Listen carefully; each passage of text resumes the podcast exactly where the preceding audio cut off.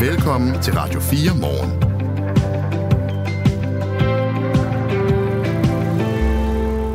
Hvor vi jo øh, desværre er stået op til øh, nyheden om øh, to skuddræbte øh, svenskere i øh, Belgien, i øh, Belgiens hovedstad Bruxelles, i forbindelse med landskampen mellem Sverige og Belgien. Et par timer før kampstart blev øh, de to mænd øh, skud og dræbt. En øh, tredje er også såret, og øh, gerningsmanden er stadig på øh, fri fod. Vi øh, kommer tættere på øh, historien og nyheden i løbet af morgenen her i øh, Radio 4 morgen. Godmorgen. Godmorgen. Det her er Radio 4 morgen. Må en vej hedde Eskimovej? Nej, mener politikerne i Aarhus. Ja, mener man i Vejle.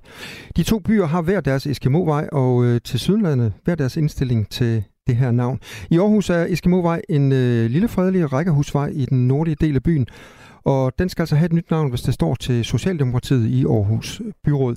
I Vejle havde man en lignende diskussion for tre år siden, og ved den lejlighed undersøgte Vejle Kommunes vejnavnegruppe, som det så smukt hedder, om der var stor modstand mod navnet. Det var der ikke, og derfor så blev der ikke ændret noget. Lone Rossing bor omkring Silkeborg, og Lone hun skrev til os på 1424. Nej, lad Eskimo-vej være. Jeg er stolt af at have en afdød farmor, der var en af de sidste Eskimoer. Hilsen Lone Rossing. Godmorgen, Lone. Godmorgen. Det var dig, der skrev den her sms øh, til os. Nu er der jo øh, nogen, som mener, at ordet Eskimo er stødende. Bør man så ikke ændre navnet på en vej, øh, hvis det virker stødende? Ah, jeg, jeg, har, ja, jeg, har jo, jeg har jo den øh, grønlandske baggrund, men jeg må ærligt indrømme, at øh, jeg bliver sådan lidt træt, når jeg hører sådan en diskussion. Altså lad nu Eskimoen være. Eskimoen er for det første, som jeg er bekendt med det, et dansk navn. Jeg tror, at øh, grønlænderne eller eskimoerne altid har blevet kaldt inuiter. Det er en ting. Den anden ting er at øh, øh, gå ind i sådan en diskussion med ændring af, af navnene. Altså skal vi også ændre pyjamas? Jeg tror, det kommer fra Indien. Hvis det er sådan, at vi skal til at ændre det hele vejen rundt, så er der altså nogle øh, skiltemager, nogle sprogpolitikere og alt muligt andet, som får mig travlt. Som sagt, jeg, jeg er meget glad for min eskimoiske baggrund, hvis man kan sige det sådan. Lad den være. Så det har aldrig på nogen måde stødt dig, at øh, vi går rundt og siger Eskimo og spiser en kæmpe Eskimo? Det har det faktisk ikke. Øh, det, er, det, er mere, det er mere den der behandling, som, som, som vi, vi giver hinanden som værende. Øh, når du er grønlænder, når, så er du sikkert sådan og sådan. Når du er dansker, jamen, så er du sikkert sådan og sådan. Altså den der påtagethed, hvad, øh, folkeslagene det er, slet ikke navnet. Nu har du fortalt os, at, øh, at din farmor var, var, var stolt af at være øh, Eskimo. Altså, hvordan kom det til udtryk? Jeg kender kun min farfars, øh, hvad hedder det, øh, hvad hedder det, snak og holdning omkring det, fordi min farmor døde desværre, da min far var meget lille, så jeg har aldrig selv kaldt hende. Men det kom til udtryk på den måde, at øh, øh, min far var selv født i en meget, meget lille bitte bygd, og øh, der var man stolte af, at man havde den oprindelige baggrund. Ligesom indianerne måske er stolte af deres baggrund, men desværre har været underlagt en masse omkring det, ligesom egentlig grønlænderne også har fra den side. Ikke? Jeg, jeg taler lige nu med Lone Rosing øh, fra Silkeborg. Lone skrev ind til os på øh, 1424, og det gjorde hun i forbindelse med, at øh, politikerne i Aarhus Kommune lige nu diskuterer, hvorvidt øh, de skal ændre navnet på øh, en vej øh, i den nordlige del af Aarhus, der hedder Eskimo-vej. Jeg skal lige høre til sidst, øh, Lone, er, er du stolt over ordet Eskimo? Ja. Det var et meget Ja. kort svar. Ja. Ja. Så længere er den ikke. Nej, længere er den ikke. Tak skal du have, fordi at øh, du skrev ind til os, og tak fordi at øh, vi må ringe til dig. Kan du have en god dag?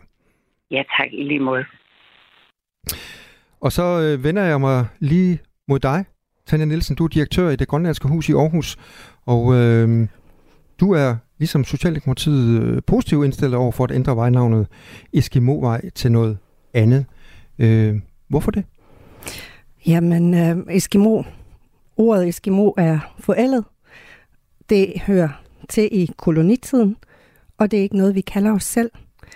vi kalder os selv Inuk eller Inuit, eller øh, andre øh, ord, øh, afhængig af, hvor vi kommer fra i Grønland. Og, øh, og sådan er det også i Arktis, i Kanada, i Alaska. Øh, den har, det har en, øh, en del øh, negative konnotationer øh, over hele Arktis, øh, og det bliver brugt i Alaska, i Kanada, på en negativ, nedsættende måde. Nu deler det jo så vandene lidt. Øh, vi har lige hørt øh, Lone Rosing fra, fra Silkeborg, øh, som også har en, en grønlandsk baggrund, sige, at hun faktisk er stolt over ordet, og det på ingen måde er, er stødende over for hende. Uh, så når vandene på den måde er delt, er der så nogen grund til at gå ind og, og ændre ved noget, noget som har en historie, og også et vejnavn i det her tilfælde i Aarhus, som har ligget der i årtier? Altså, vi, vi går jo rundt og bruger forældede ord, øh, som vi lægger til side og bruger nogle andre og bruger alternativer og måske mere korrekte ord. Øh, for eksempel bruger vi jo ikke åndssvag længere, eller øh, invalid længere. Øh, og det er, det er det samme, der gælder her. Øh, det er ikke det er noget, vi kalder os selv. Vi kalder os selv inuit. Så hvordan, ja, hvordan bliver du krænket, øh, hvis du bliver kaldt øh, Eskimo, eller hvis du hører ordet Eskimo i stedet for Inuit? Altså nu er jeg boet i Alaska også. Jeg kommer fra Grønland, men har boet i Alaska. Og i Alaska, der bliver ordet brugt meget nedsættende og meget ubehageligt, og hvor man gør grin med inuit. Øh, og i det tilfælde i Alaska er det endnu bjerg. Nu hørte vi jo også øh, vores lytter, øh, Lone Rosing, sige, at øh, der skal være plads til rummelighed, og der skal være plads til øh, historien. Har hun ikke en pointe i det? Altså hun siger, lad det nu være. Jo, men vi lærer noget nyt hele tiden. Vi er, der er en ny generation, der er på vej, som har nogle helt andre holdninger til det ord. Og det er dem, der skal se det her ord. Øh, og, og mange ved jeg, at de unge grønlænder føler sig stødt, når de ser ordet blive brugt. Og det synes jeg, vi skal være opmærksomme på. Ideen øh, fra politikerne i Aarhus er altså ikke blevet til et øh, egentligt forslag i byrådet endnu, men den bakker sig allerede op af andre partier i byrådet. Radikale Venstre stemmer øh, nemlig i med, at man bør ændre navnet. Det fortæller de til Aarhus Stifttidene. Venstre er imod. Hvis du slår Eskimo op i den danske ordbog for eksempel, så lyder det sådan her. Person, der tilhører et af de oprindelige asiatiske folk, der bebor de arktiske egne i Grønland, Nordkanada, Alaska og det nordøstlige Sibirien. Det kan virke stødende i det betegnelsen inuit nu foretrækkes af de her folkeslag frem for Eskimo. Øh, og vi taler lige nu med øh, Tanja Nielsen, der er direktør i det grønlandske hus i, i Aarhus. Så lad os lige summere op. Hvad er dine egne følelser omkring ordet øh, Eskimo? Altså, jeg synes, vi skal kigge mod, i stedet for at snakke om følelser, så synes jeg, vi skal kigge mod, hvad Nationalmuseet har gjort. De har ændret ordet til Inuit. Øhm, hvad hedder det? Københavns Universitet har ændret deres øh, studie, der hedder arktisk, grønlandske arktiske studier fra eskimologi. Øh, og det er en vej, øh, vi går, og, øh, og det synes jeg, det er det, vi... Øh, der er nye tider, og der er nye måder at, at sige tingene på. Men Tanja Nielsen, øh, i det grønlandske hus i Aalborg, der sidder din kollega Anne Lønge. Hun har en lidt anden opfattelse end dig. Prøv lige at høre, hvad hun siger. Altså, selvfølgelig er det jo en, et gammelt ord, der egentlig stammer fra en beskrivelse af et folkeslag i Nordamerika, som også er en betegnelse for en skomager, sneskomager. Det vil sige, en, under indianersproget krig, som egentlig også er et folk, der spiser råt kød. Så for mig at det så skal relateres til grønlænder, det er lidt svært. Så hvor står du selv? Skal man ændre vejnavnene? Det kan jeg se, at øh, det skulle give nogle øh, negative association til en flok grønlænder. Så nej. Sådan siger altså Anna Lynge, der er direktør i det grønlandske hus i Aalborg. Hvordan forholder du dig til det? Ja, men vi er jo to forskellige huse, og vi er to forskellige direktører, og øh, hun har ret til sin mening, jeg har ret til min. Men hvis I øh, i det grønlandske hus i Aarhus øh, synes, det er en god idé at ændre navnet. Hvorfor har I så ikke selv foreslået det for lang tid siden? Det er ikke vores opgave. Vores opgave er at undervise og yde råd og vejledning for dem, der vil vide noget mere om Grønland. Og øh, det er ikke vores opgave at, at komme med den type forslag. Jeg hylder øh, at man i byrådet synes, at det er vigtigt at gøre. Og øh, jeg synes, at det er en god gestus for vores unge studerende her i, i Aarhus.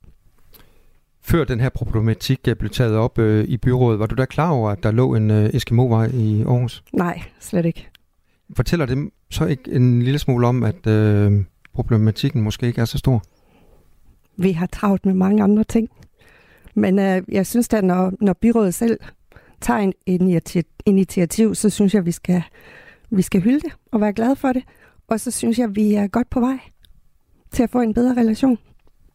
Nu er debatten så skudt i gang, øh, og I har ligesom gået, gået ind i debatten nu også. Øh, så hvis ikke Eskimovej skal hedde Eskimovej, hvad skal den så hedde?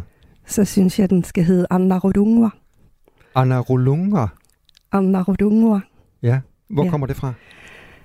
Det er en kvinde, øh, der, der stammer fra Inuit-folket op i Nordgrønland øh, ved Renner-området. Det er tidligere Tule. Og øh, hun var med Knud Rasmussen på sin store slæderejse helt over Kanada og til Alaska. Og hun var mega sej. Øh, igennem turen, der viste sig, da hun kom tilbage, og de kom til Danmark, der havde hun haft tuberkulose over hele rejsen. Og de var afsted i to-tre år. Og øh, hun var en fantastisk syrske, var også fanger og fisker, og kunne rigtig mange spændende ting, og var god til arkeologi. Så ja, jeg synes, hun er et godt bud. Det vil være passende. Det synes jeg. Hjælp mig lige med navnet kvinde. en gang til. Anna Rodungwa. Jeg tror ikke, der er mange øh, på den vej så i fremtiden, der vil få et lille problem med at, at udtale det.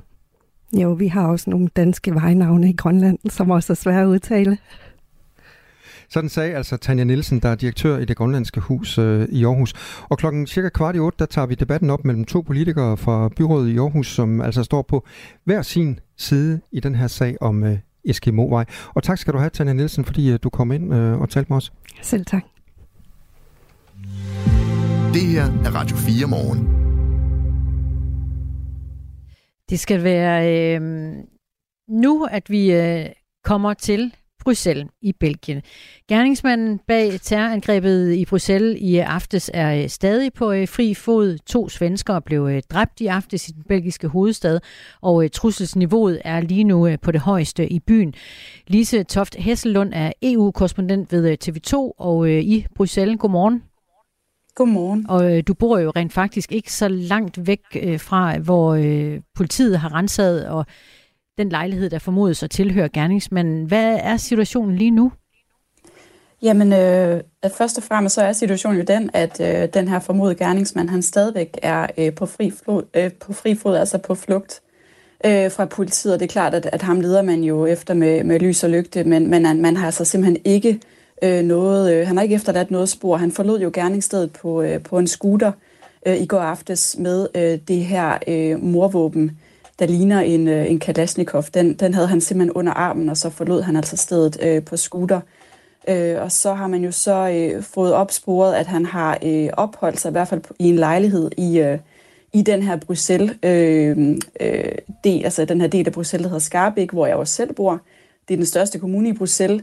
Øh, der har han altså opholdt sig på en, øh, en adresse ikke så langt øh, fra mig heller. Øh, så ved man jo også det om den her mand, at han rent faktisk opholder sig øh, ulovligt i øh, Belgien. Han, øh, han søgte asyl. Han er tuneser 45 år øh, og søgte asyl i Belgien i 2019 og fik altså afslag øh, et år senere i oktober 2020. Øh, og siden da er han altså øh, forsvundet fra radaren, øh, fra radaren simpelthen. Øh, man har nok haft en formodning om, at han har forladt landet. Det har jo så nok vist sig, at, øh, at det ikke har holdt stik, eller så han så han vendt retur. Der er stadigvæk mange spørgsmål, som vi venter øh, at få svar på, men det er, det er lidt status i hvert fald over situationen, som den er lige nu. Hvordan kan man være så sikker på, at det er lige nøjagtigt den mand, det handler om? Det kan man, fordi at han jo øh, har lagt videoer af sig selv øh, på sociale medier, og det gjorde han både før øh, og de lige efter angrebet øh, i går. Øh, og i de her videoer øh, kan man se ham også i den orange selvlysende orange jakke, som, øh, som han har haft på under angrebet. Øh, her siger han jo blandt andet, at han øh, bekender sig til, øh, til islam først og fremmest, og at han er en soldat øh, for øh, islamisk stat, og at hans motiv det er øh, og, øh, at hævne øh, muslimer øh, i verden. Øh, hvad det ellers går ud på, det, det står altså stadigvæk lidt hen i det uvisse, men, men det er i hvert fald helt sikkert, og det er også blevet bekræftet fra de belgiske myndigheder, at det er øh, et terrormotiv og altså et terrorangreb, som den her mand han har begået. Det er Lise Toft Hesselund, der er med os, EU-korrespondent ved øh, TV2, og du øh, befinder dig øh, i Bruxelles, ikke så langt væk fra den lejlighed, hvor den formodede gerningsmand har, har opholdt sig, og som politiet har været inde og, og rensage. En, en by, der lige nu er på det højeste trusselsniveau, niveau 4. Hvordan øh, oplever man det som borger i Bruxelles her til morgen? Altså, hvad betyder det for hverdagen? Jamen, øh, det betyder jo konkret, at man, øh, man er nødt til at tage sig nogle forholdsregler som, som borger i Bruxelles. Det har premierministeren Alexander de Croo også opfordret til, at man øh, er forsigtig, man bevæger sig forsigtigt ud, øh, at man ikke, øh, han har ikke direkte opfordret til, at man skal holde sig inden døre, øh, men han opfordrer altså til, at man øh, ikke bevæger sig rundt øh, unødigt, så at sige. Øh, og så har det da også øh, den øh, konsekvens øh, for, øh, for mig selv, øh, som, som lille børnefamilie her i Skarbæk, at øh, vi har da måttet tage den diskussion her til morgen, øh, min, øh, min kæreste og jeg, om vi skulle sende vores børn i skole. Øh, det, og jeg har også snakket med andre øh, forældre fra, øh, fra mine børns øh, klasser om, øh, hvad vi gør. Øh, sender vi dem i skole, øh, eller, eller gør vi ikke? Nu har vi så lige fået meldingen, at skolen rent faktisk lukker, men at de, øh, de laver noget pasning for de børn, som, øh, som har brug for det. Øh, men det er jo, altså, det, det viser jo også, at det er en situation, som som er utryg, øh, og det, det føler man også selv, øh, at, at det, er, øh, det er ikke rart at være i, når den her mand han stadigvæk er på fri fod, øh, og når han sågar i vores tilfælde øh, har været bosiddende meget, meget øh, kort, i kort afstand fra, hvor vi selv bor. Mm. Øh, det, er, det er bare øh, helt generelt en meget, meget utryg øh, fornemmelse. Vi taler med Lise, Lise Toft Hesselund, der er EU-korrespondent øh, ved TV2. Og Lise Toft øh, Hesselund, øh, nu er det jo ikke første gang, Belgien oplever et terrorangreb. Øh, for næsten otte år siden blev Bruxelles ramt af et meget alvorligt angreb i lufthavnen, og også i et metrotog, hvor jeg mener at huske, det var, det var over 30 mennesker, der blev, der blev dræbt. Er det sådan, at øh, belgierne de har det øh, inde i deres system, i deres øh, dagligdag. Går man øh, i, i Belgien og frygter terror? Nej, det vil jeg ikke sige, man gør. Øh, men det er klart, at angrebene i 2016, at det, øh, det er der stadigvæk noget, man har øh, med sig på en eller anden måde. Øh, personligt tænker jeg stadigvæk over det, øh, når, jeg, når jeg tager metroen i Bruxelles. Altså, jeg holder øje, øh, og det, det tror jeg, det gælder for rigtig mange mennesker, at øh, man lige ser sig lidt omkring og lige vejer stemningen. Øhm, og det, øh, det, det tror jeg gør sig gældende også øh, altså på andre områder, men, men jo især øh, når man ved, at, at et af de angreb jo fandt sted øh, i metroen. Jeg tænker også over det, når jeg flyver fra, fra Saventem, altså lufthavnen øh, i, i Bruxelles. Øh, så tænker jeg da over det. Man, man passerer jo igennem den ankomsthal, øh, eller slået afgangshal, jo, hvor, at, øh, hvor de her øh, angreb de fandt sted. Øh, så det er der noget, der ligger i baghovedet, men altså det, det, jeg vil så også sige, at det ikke øh, det er ikke en frygt, man bærer rundt på. Man, man, lever, jo, man lever jo sit liv, øh, og livet går videre. Øh, det, er, det er otte år siden, men, men det er jo også øh, det, det er jo stadigvæk også en, en dag, som man, som man mindes øh, den dag i marts, hvor angrebene de fandt sted.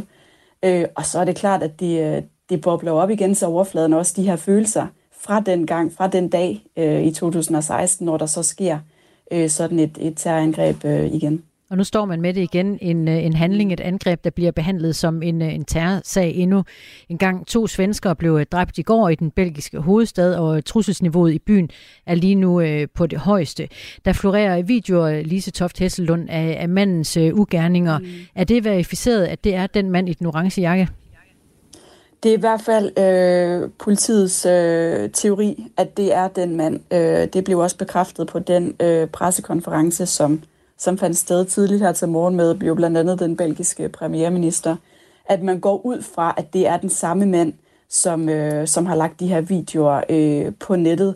Det gør jo også, at man, man har en god fornemmelse af, øh, for det første jo, hvem han er, øh, og det, øh, der er mange beskrivelser af ham også i de belgiske medier, øh, hvordan og hvorledes han har, hvad skal man sige, gebærdet sig øh, op til øh, det her angreb. Man har jo kigget de videoer igennem, som han har lagt blandt, blandt andet jo på, på X, altså tidligere Twitter og, og på Facebook, øh, og nogle af de ting, som han har skrevet.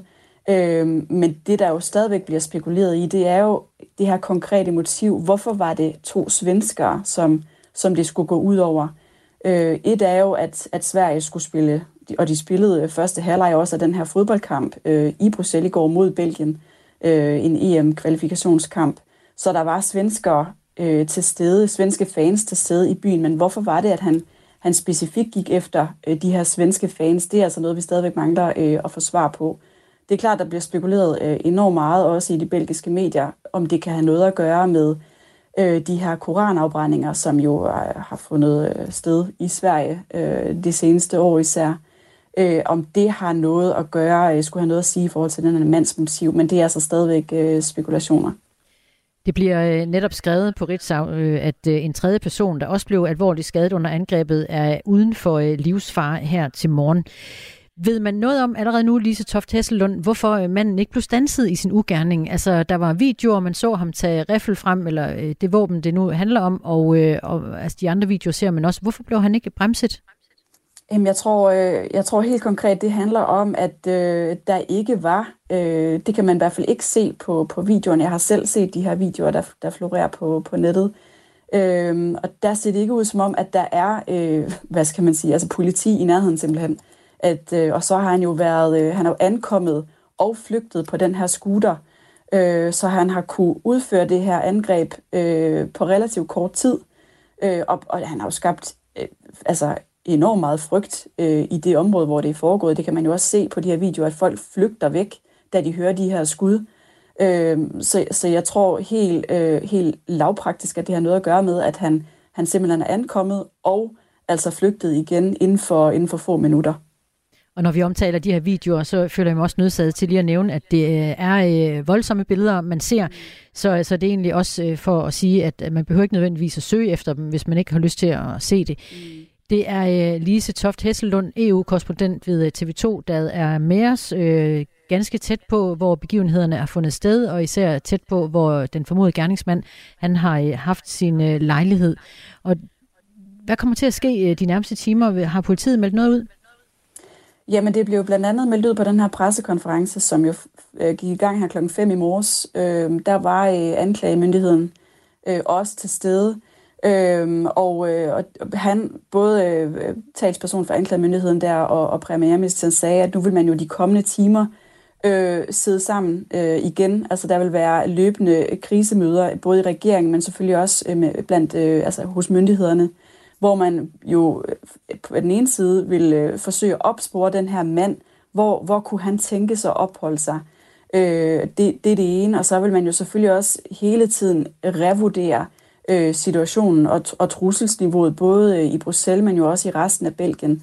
Øh, det er jo blevet skruet op på det allerhøjeste niveau her i Bruxelles. Øh, det betyder, at, øh, at man anser den terrortruslen for at være nært forestående. Det vil sige, at man kan ikke øh, udelukke, at der er en stor risiko for, at der kan komme flere angreb. Øh, skal, skal det her niveau blive ved med at være på, på niveau 4? Øh, og er der ellers andre øh, foranstaltninger, som, øh, som skal træffes?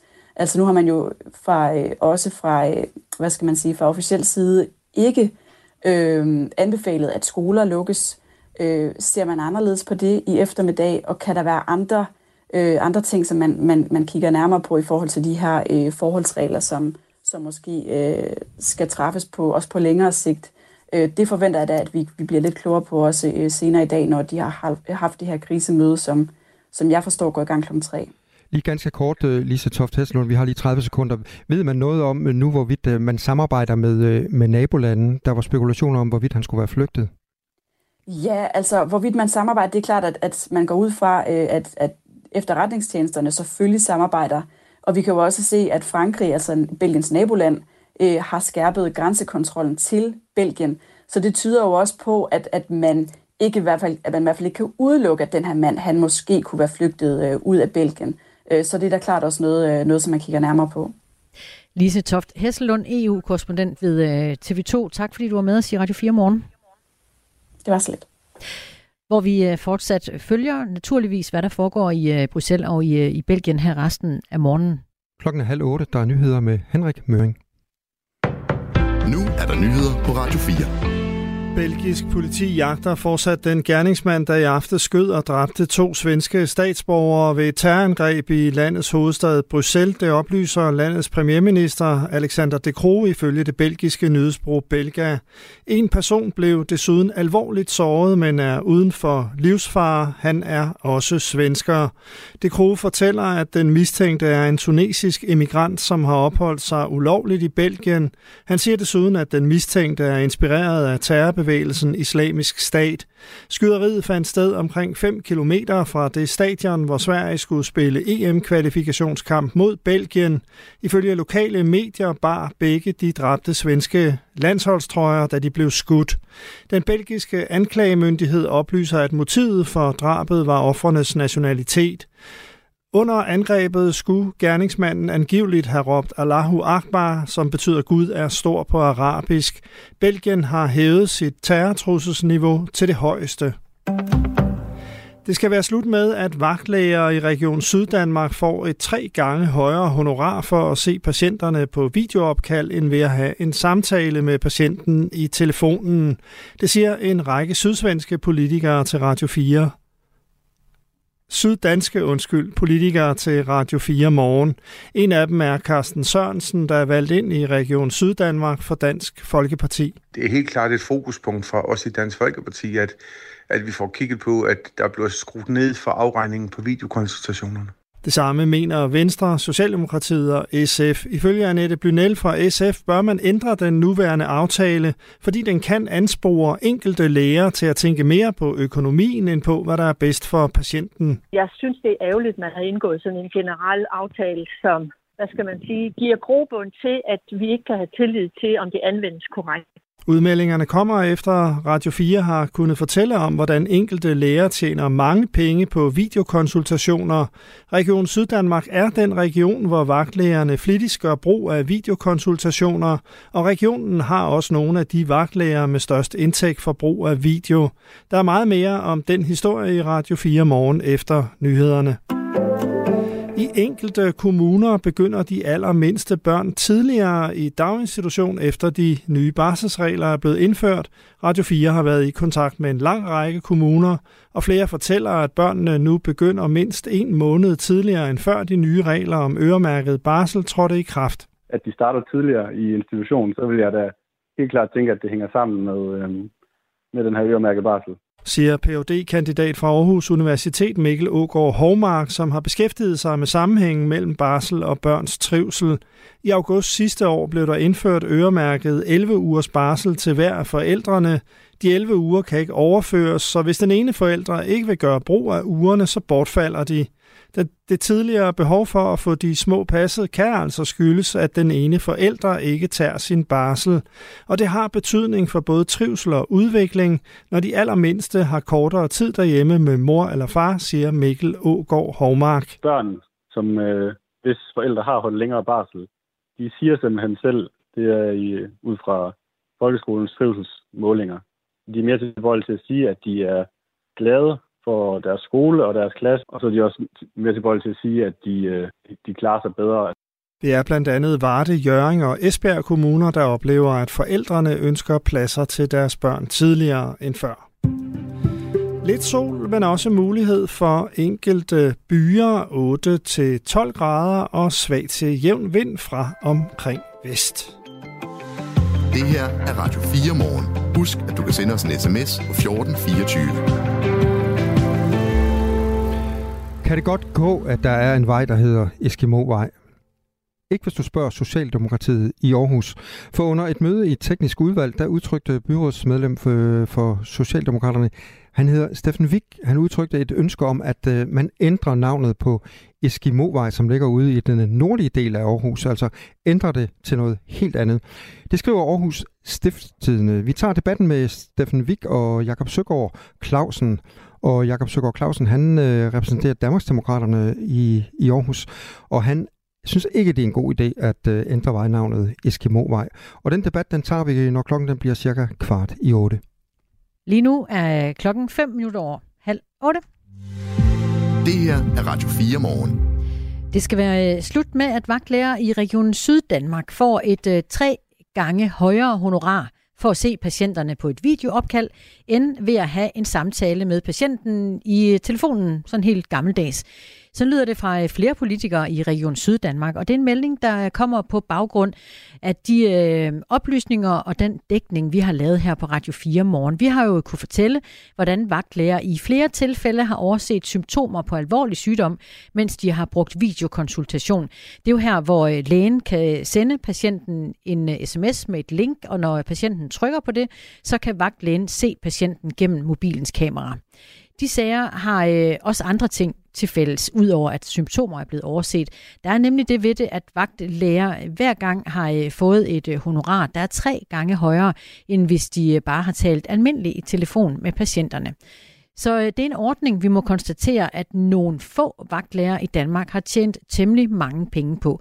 Vi taler millionlønninger alene på at gøre brug af, øh, bare ved at bruge videoen, når de er på arbejde i vagtlægen i øh, lægevagten. Det er Region Syddanmark, at, øh, at vagtlægerne bruger øh, videokonsultationer mest, når man kigger ud over hele landet. Og dermed er det også den region, der bruger allerflest penge på videokonsultationer. Det vil øh, politikerne have ændret nu, sådan at vagtlægerne ikke tjener tre gange så meget på at bruge video. Carsten Sørensen, regionsrådsmedlem i Region Syddanmark for Dansk Folkeparti. Godmorgen. Godmorgen. Ja, du mener ikke, der skal være stor forskel på, hvad en læge tjener, om han øh, vælger at bruge almindelig telefon eller en videokonsultation. Hvorfor ikke? Nej, jeg synes, at øh, der skal være rimelighed i det her. Og tidsforbruget ved at vælge en videokonsultation for lægen er ikke så meget større, at det kan retfærdiggøre, at prisen er tre gange så høj. Men det er lidt mere bøvlet, og der går lidt mere tid på det, og derfor aflønnes de, som de gør. Er det ikke ret og rimeligt, at de øh, tjener lidt mere på det? Jo, lidt mere, men ikke tre gange så meget. Tidsforbruget er måske to minutter mere på en konsultation, som kan vare fem minutter. Og det retfærdiggør simpelthen ikke, at vi betaler vores vagtlæger så mange penge, som vi gør lige nu for det. Det er klart, at det at bruge øh, videokonsultationen er et redskab, som er, er rigtig godt, men det skal også være ret og rimeligt, og det synes jeg simpelthen ikke, det er, når det koster regionen så mange penge. Det er godt, det bliver brugt, det er vi glade for, men det skal være til samme pris, som det koster at lave en almindelig konsultation. Selvom det er lidt mere besværligt? Ja, det vil jeg mene, at det er ret og rimeligt, fordi der er nogle steder, man tjener lidt, og nogle steder mister man lidt. Det er Carsten Sørensen, der er med os, regionsrådsmedlem i Region Syddanmark, valgt for Dansk Folkeparti. Du står ikke alene i øh, regionsrådet i øh, Syddanmark om at mene, at der skal laves om i, hvad vagtlægerne tjener, når de bruger video, når de er på arbejde i øh, lægevagten. Dine kolleger, politiske kolleger fra Socialdemokratiet og fra Venstre fortæller nemlig til os her på Radio 4, at de også gerne vil have prisen for videokonsultationen ned, og de mener, at video- og telefonkonsultationer skal koste det samme. Annette Blynel fra SF går skridtet videre. Hun vil gerne have, at regionen gør som i hovedstaden, hvor man ansætter lærerne til en fast timeløn. Hun mener, at den nuværende aftale kan anspore enkelte læger til at tænke mere på økonomi, end på at tænke på, hvad der er bedst for patienten. Jeg synes, det er ærgerligt, at man har indgået sådan en generel aftale, som hvad skal man sige, giver grobund til, at vi ikke kan have tillid til, om det anvendes korrekt. Men lad os lige prøve at holde fast i, hvad øh, de siger hos øh, de praktiserende lægers organisation PLO der øh, siger de jo netop, at det er krævende, og det tager mere tid, og de vil gerne også belønnes, øh, eller det har de i hvert fald ville indtil nu, belønnes for den tid, det tager. Hvorfor ikke holde fast i det? Jeg har selv siddet med en øh, vagtlæge på sygehuset i Odense og set, hvor lang tid det tager at bruge de her videokonsultationer. Og jeg synes faktisk, at vi belønner vores vagtlæger ret godt i forvejen.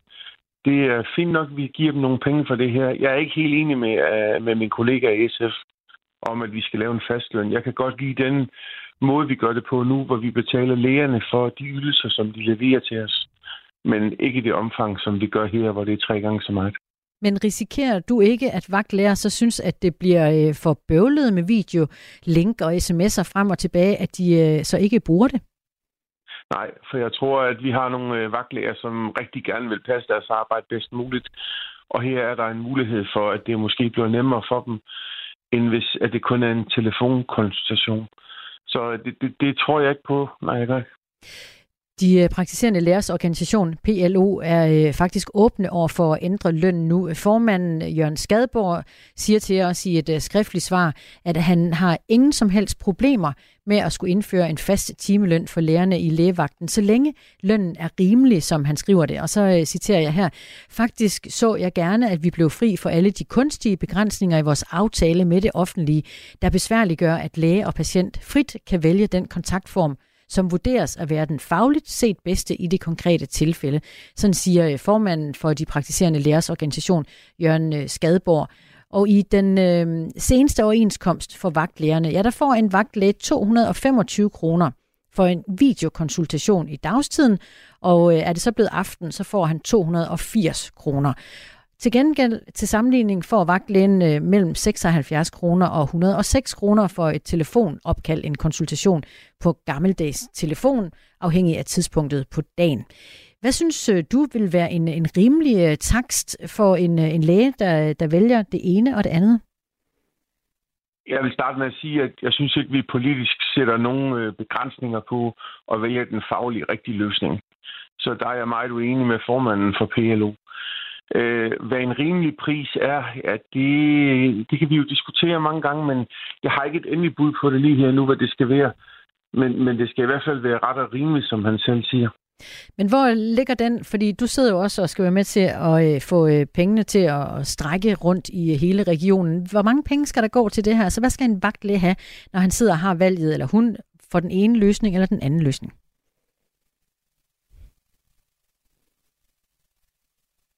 Ja, så blev der godt nok stille i den anden ende. Var det, øh, fordi du ikke havde et, øh, et svar på det, Karsten, eller var det fordi, at linjen den øh, forsvandt for os? Jeg prøver lige igen at høre, om du er der. Jeg kan se, der bliver lige øh, arbejdet i, øh, i regien. Og, og det var jo fordi, jeg vil egentlig gerne prøve at høre, om vi kunne få øh, Carsten Sørensen, der er medlem af Regionsrådet i Region Syddanmark for Dansk Folkeparti, til at komme det nærmere, hvor taksten skal ligge, når en læge i lægevagten vælger enten at lave en konsultation med en patient per gammeldags telefon, eller via en video konsultation, om han vælger, eller hun vælger det ene eller det andet. Og så snakker vi jo om, øh, om pengene, hvor øh, det er ret og rimeligt, at, at niveauet ligger. Carsten Sørensen, du er forsvandt lige, da det blev afgørende. Hvor mange penge skal en læge have for det? Men det kan jeg simpelthen ikke svare på, fordi det er jo en vurdering af den arbejdsopgave, de laver. Man skal tænke på, at en lægevagt har en meget forskellig hverdag og laver mange forskellige ting på forskellige tidspunkter. Så, så det skal være en løn, der afspejler den indsats, de leverer i sundhedsvæsenet, som de skal have som løn. Og der mener jeg, at den bedste løsning, det er den, vi har lige nu, hvor vi aflønner dem efter de ydelser, som de leverer ind i sundhedsvæsenet. Men er det vigtigt for dig, om en læge vælger den ene eller den anden form for en konsultation på, øh, på baggrund af økonomi? Nej, det vigtigste for mig, det er, at patienterne bliver behandlet på den bedst mulige måde fagligt. Men jeg skal også nødt til at kigge ind i, at det ikke er rimeligt, at de får tre gange så meget for at lave en konsultation, som på ingen måde tager så lang tid, at det kan berettiges. Men hvorfor så ikke en fast timeløn, som øh, din øh, politiske kollega fra SF, Annette Blynell, foreslår, ligesom de også har i øh, Region Hovedstaden? Fordi at jeg tror, at den bedste løsning, det er den, vi har nu, hvor vi aflønner lægerne efter de ydelser, de leverer til os i sundhedsvæsenet. Men der er eksempler, det, som vi har gravet frem jo også fra andre regioner, at det ser ud som om nogen læger har benyttet sig virkelig meget af den løsning, der hedder videokonsultation, og har på den måde øh, fået en øh, temmelig stor løncheck udbetalt. Er det ikke det, du vil øh, ud over? Jo, det er det. Og det er også det, vi kommer ud over ved at sænke øh, ydelsen for, hvor meget at man kan få for en konsultation på video. Men der er helt klart nogle læger, der tjener rigtig mange penge i sundhedsvæsenet. Men der er også nogle læger, der ikke laver andet end arbejder som vagtlæger. Jeg vil ikke forsvare, at de har en meget høj afregning, de her læger. Men jeg synes, at øh, den måde, vi gør det på nu, det er den mest rimelige, hvor vi betaler dem for det, de laver. Så kunne vi jo lige runde den til sidst igen, Carsten. Hvor skal niveauet så ligge? I dag der får vagtlægerne 225 kroner for en videokonsultation i øh, dagstiden. Lidt mere om øh, natten. Til gengæld får de øh, mellem 76 og 106 for en telefonkonsultation. Hvor bør en god takst ligge for en videokonsultation? På maksimalt 106 kroner. 106 kroner. Er det så, fordi ja. det skal være ligesom en telefonkonsultation, eller skal der være stadigvæk en forskel? Der må gerne være en lille forskel, som afspejler, at det tager de her små to minutter længere at få borgeren koblet op på de her videoløsninger. Og så skal vi i regionen gå ud og fortælle borgerne, hvordan det er, man laver de her videokonsultationer, så folk, når de har behov for at ringe til lægevagten, ved, at det her det kan godt være lidt besværligt. Det skal vi lige have lært. Og så lød det fra øh, Carsten Sørensen, medlem af Regionsrådet i Region Syddanmark for Dansk Folkeparti. Tak for det. Selv tak. Og det er ikke kun i Region Syddanmark, at der er øh, opmærksomhed på vagtlærernes løn.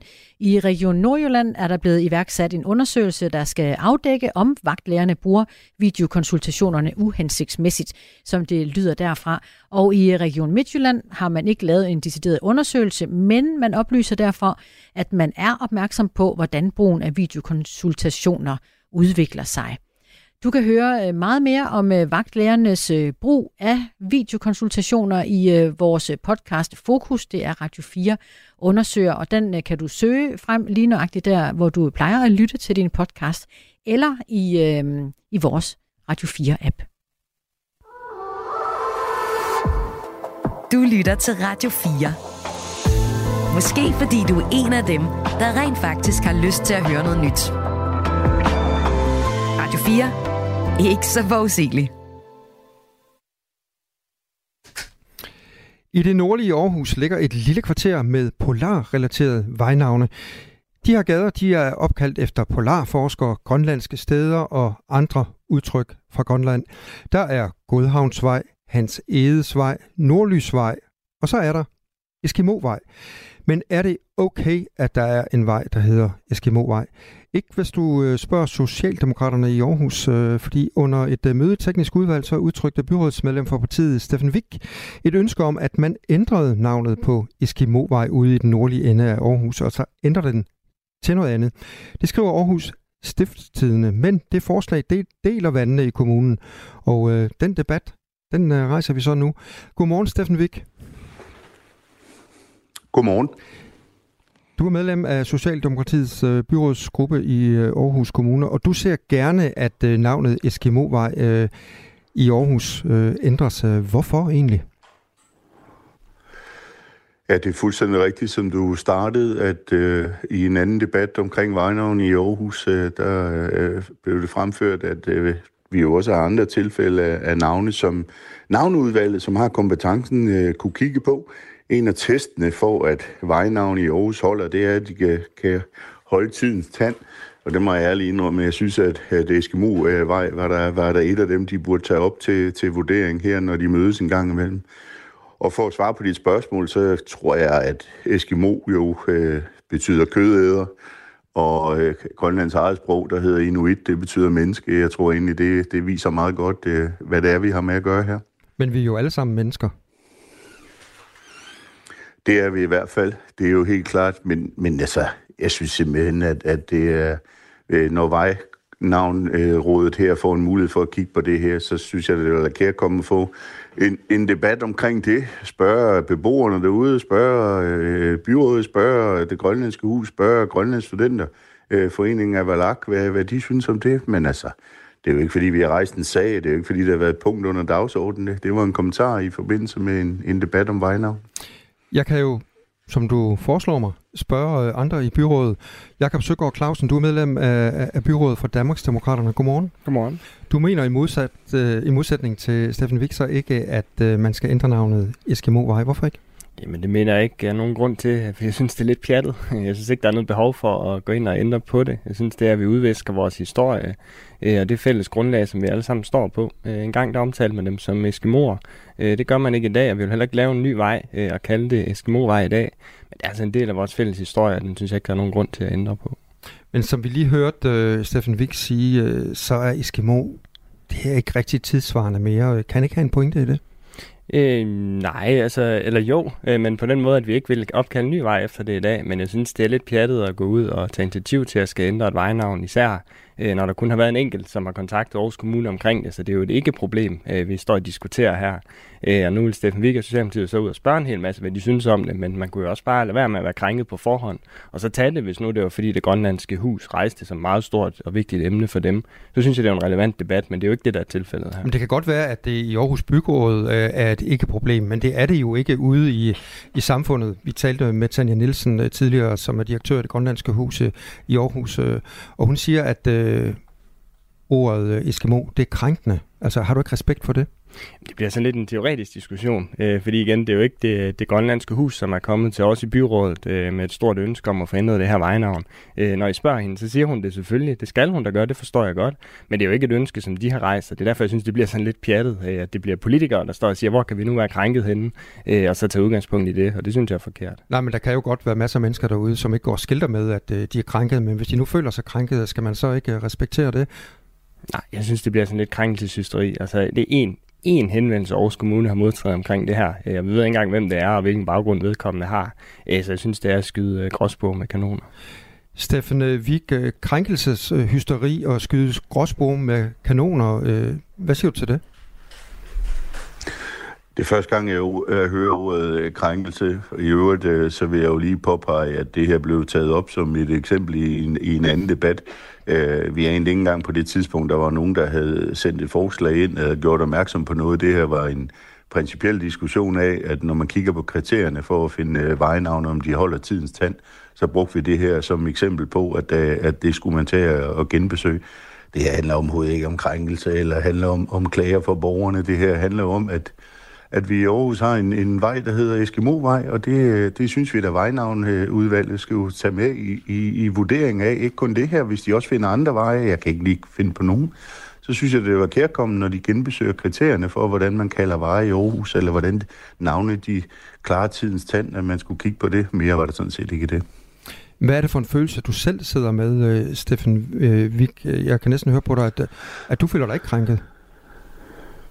Nej, øh, overhovedet ikke. Jeg sidder bare og, og, og kigger på i en, i en debat, hvor vi har nogle vejnavne, øh, som jeg ikke synes er en del af det dynamiske samfund, øh, som udvikler sig. Og som jeg også er blevet citeret for, jamen, så jeg er jo ikke ude på at rive statuer eller bygninger ned. Det her, det er et, et vejnavn, som helt klart ikke hører til øh, i sådan et område og i en, i en moderne øh, kontekst. Det, og det er egentlig bare det, vi, vi påpeger. Men når du siger, at det helt klart ikke hører til, altså, og, og du samtidig siger, at du føler dig ikke krænket, altså hvad er problemet? Problemet er jo, at vi har et, et, et vejnavn her, som er udtryk for en øh, en, en, øh, en definition af et ord, som jeg ikke synes hører til i, i dansk demokrati, og slet ikke i, i, i Aarhusians øh, sammenhæng. Øh, og det er jo derfor, vi, vi påpeger det i en anden debat, at vejnavneudvalget skal sidde og kigge, godt kunne kigge på og, og tage højde for de navne, øh, der, er her. Øh, og så har vi været inde på, at, at øh, det, det er jo ikke en ny debat, den her. Jeg gider ikke at, at lade det være en, en populistkonkurrence, det her. Det her handler jo simpelthen bare om, at, at at vi beder vejnavneudvalget om at vurdere, om der er navne, der, der ikke holder til de kriterier, der er opsat. Jeg taler med Steffen øh, Vik, der er medlem af Socialdemokratiets øh, byrådsgruppe i Aarhus Kommune. Og jeg taler også med Jakob Søgaard Clausen, der også sidder i byrådet, men det gør han for Danmarks Demokraterne. Og øh, Jakob Søgaard Clausen, hvis vi lige slår ordet Eskimo op øh, i den danske ordbog, så står der sådan her. En person, der tilhører et af de oprindelige asiatiske folk, der bebor de arktiske egne i Grønland, Nordkanada, Alaska og det nordøstlige Sibirien. Det kan virke stødende, i det betegnelsen Inuit nu foretrækkes af disse folkeslag frem for Eskimo. Så Jakob øh, Søgaard Clausen, øh, hvor går grænsen for dig, øh, når det kommer til at ændre øh, vejnavne? Hvis vi nu for eksempel havde en øh, nærevej, øh, var det så okay? det, er jo, det er lidt tænkt øh, eksempel, øh, og, og jeg synes, øh, det har vi jo ikke i dag, øh, og det vil vi jo heller aldrig nogensinde få. Øh, jeg kan godt forstå, at man vil kunne tage den diskussion, hvis det var. Øh, også fordi det er jo noget, som rent faktisk har et meget negativt klang. Det synes jeg ikke, Eskimo har. Jeg synes, det er en, anden betydning, der ligger i det.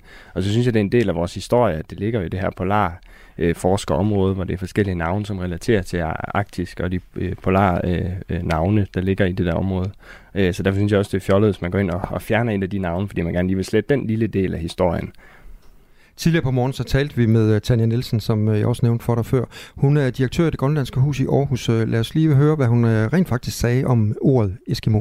Vi lærer noget nyt hele tiden. Vi er, der er en ny generation, der er på vej, som har nogle helt andre holdninger til det ord. Og det er dem, der skal se det her ord.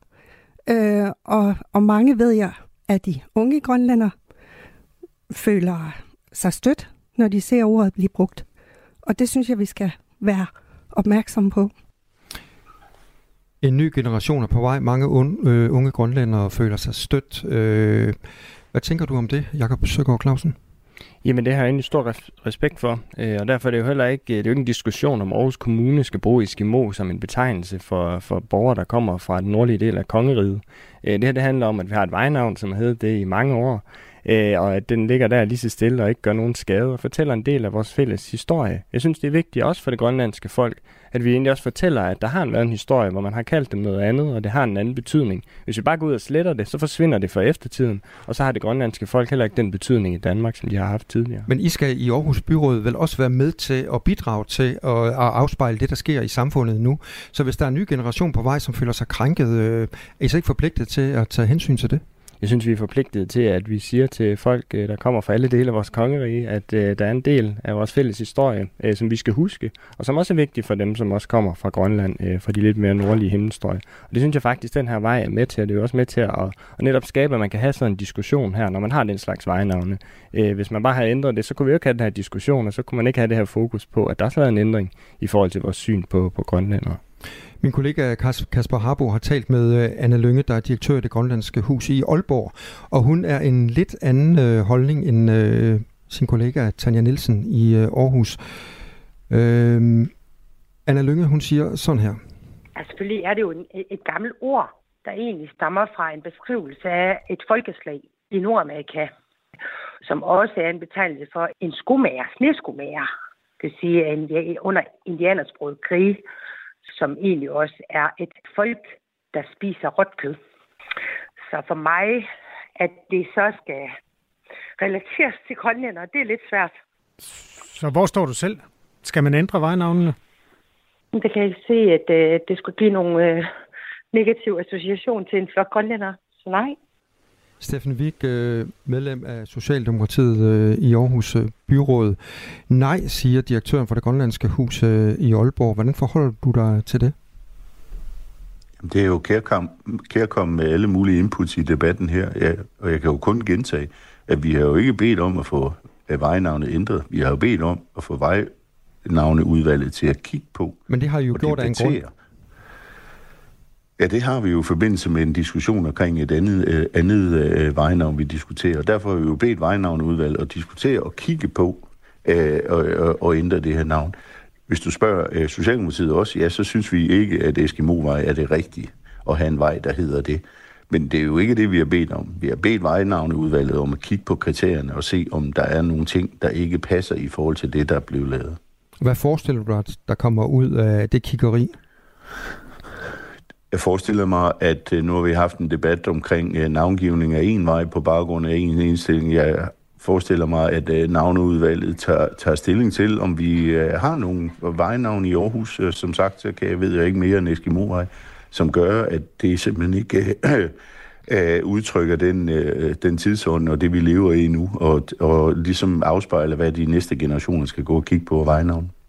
Jakob Søgaard Clausen, nu kigger vejnavneudvalget øh, så på øh, Eskimo-vej øh, blandt andet. Øh. Hvad håber du, der kommer ud af det? Altså nu sidder både Steffen og jeg i vejnavneudvalget, så jeg tænker godt, at jeg, kan, jeg kan regne ud, hvad diskussionen bliver. Men jeg håber selvfølgelig ikke, at vi ændrer på vores lokale historie på vejnavnene i Aarhus. Det synes jeg er dumt. Så hvad håber du på? Jeg håber på, at vi konkluderer, at det er fint, at vi holder fast i vores fælles øh, kulturhistorie, og så er jeg lidt frygt, at vi skal til at gennemgå samtlige vejnavne i Aarhus for at se, om der kunne være nogle ting, som kunne støde nogle mennesker. Så, så tror jeg ikke, vi har andet, eller kan få andet at lave i byrådet, og, og vi har andet at se til i hvert fald. Jakob Søgaard Clausen, øh, medlem af Aarhus Byråd for Danmarksdemokraterne, og Steffen Wick, medlem for Socialdemokratiet i Aarhus Byråd. Tak fordi I øh, deltog i den debat her i Radio 4 morgen. Selv tak. Selv tak. For uden den aarhusianske vej, som vi har talt om øh, lige nu, så er der altså to veje i Danmark, der hedder Eskimovej. I Vejle diskuterede man øh, efter en mail fra en vred borger, om navnet på vejen skulle øh, ændres. Det valgte man efter moden overvejelse at lade være med, lyder det fra Vejle. På Læsø er der også en Eskimovej, en lille stikvej med to sommerhuse. Læsøs borgmester Tobias Birk Johansen fra Venstre fortæller, at man ikke har haft nogen klager og ikke har brugt et eneste minut på at diskutere, om det faktisk er et problem. Tirsdag morgen i øh, Radio 4 morgen med øh, Claus Andersen og øh, Christina Ankerhus, og vi har fingeren på pulsen i forhold til det, de to drab, der foregik i Bruxelles i aftes. To svenske statsborgere, der blev dræbt, skuddræbt. En tredje person blev alvorligt såret, og det fortælles nu, at det også er en svensk statsborger, man har med at gøre der. Hans tilstand er alvorlig, men, men altså alvorligt såret, ja, står der. Vi skal nyheder. Klokken er 8. Du har lyttet til en podcast fra Radio 4. Find flere episoder i vores app, eller der, hvor du lytter til podcast. Radio 4. Ikke så forudsigeligt.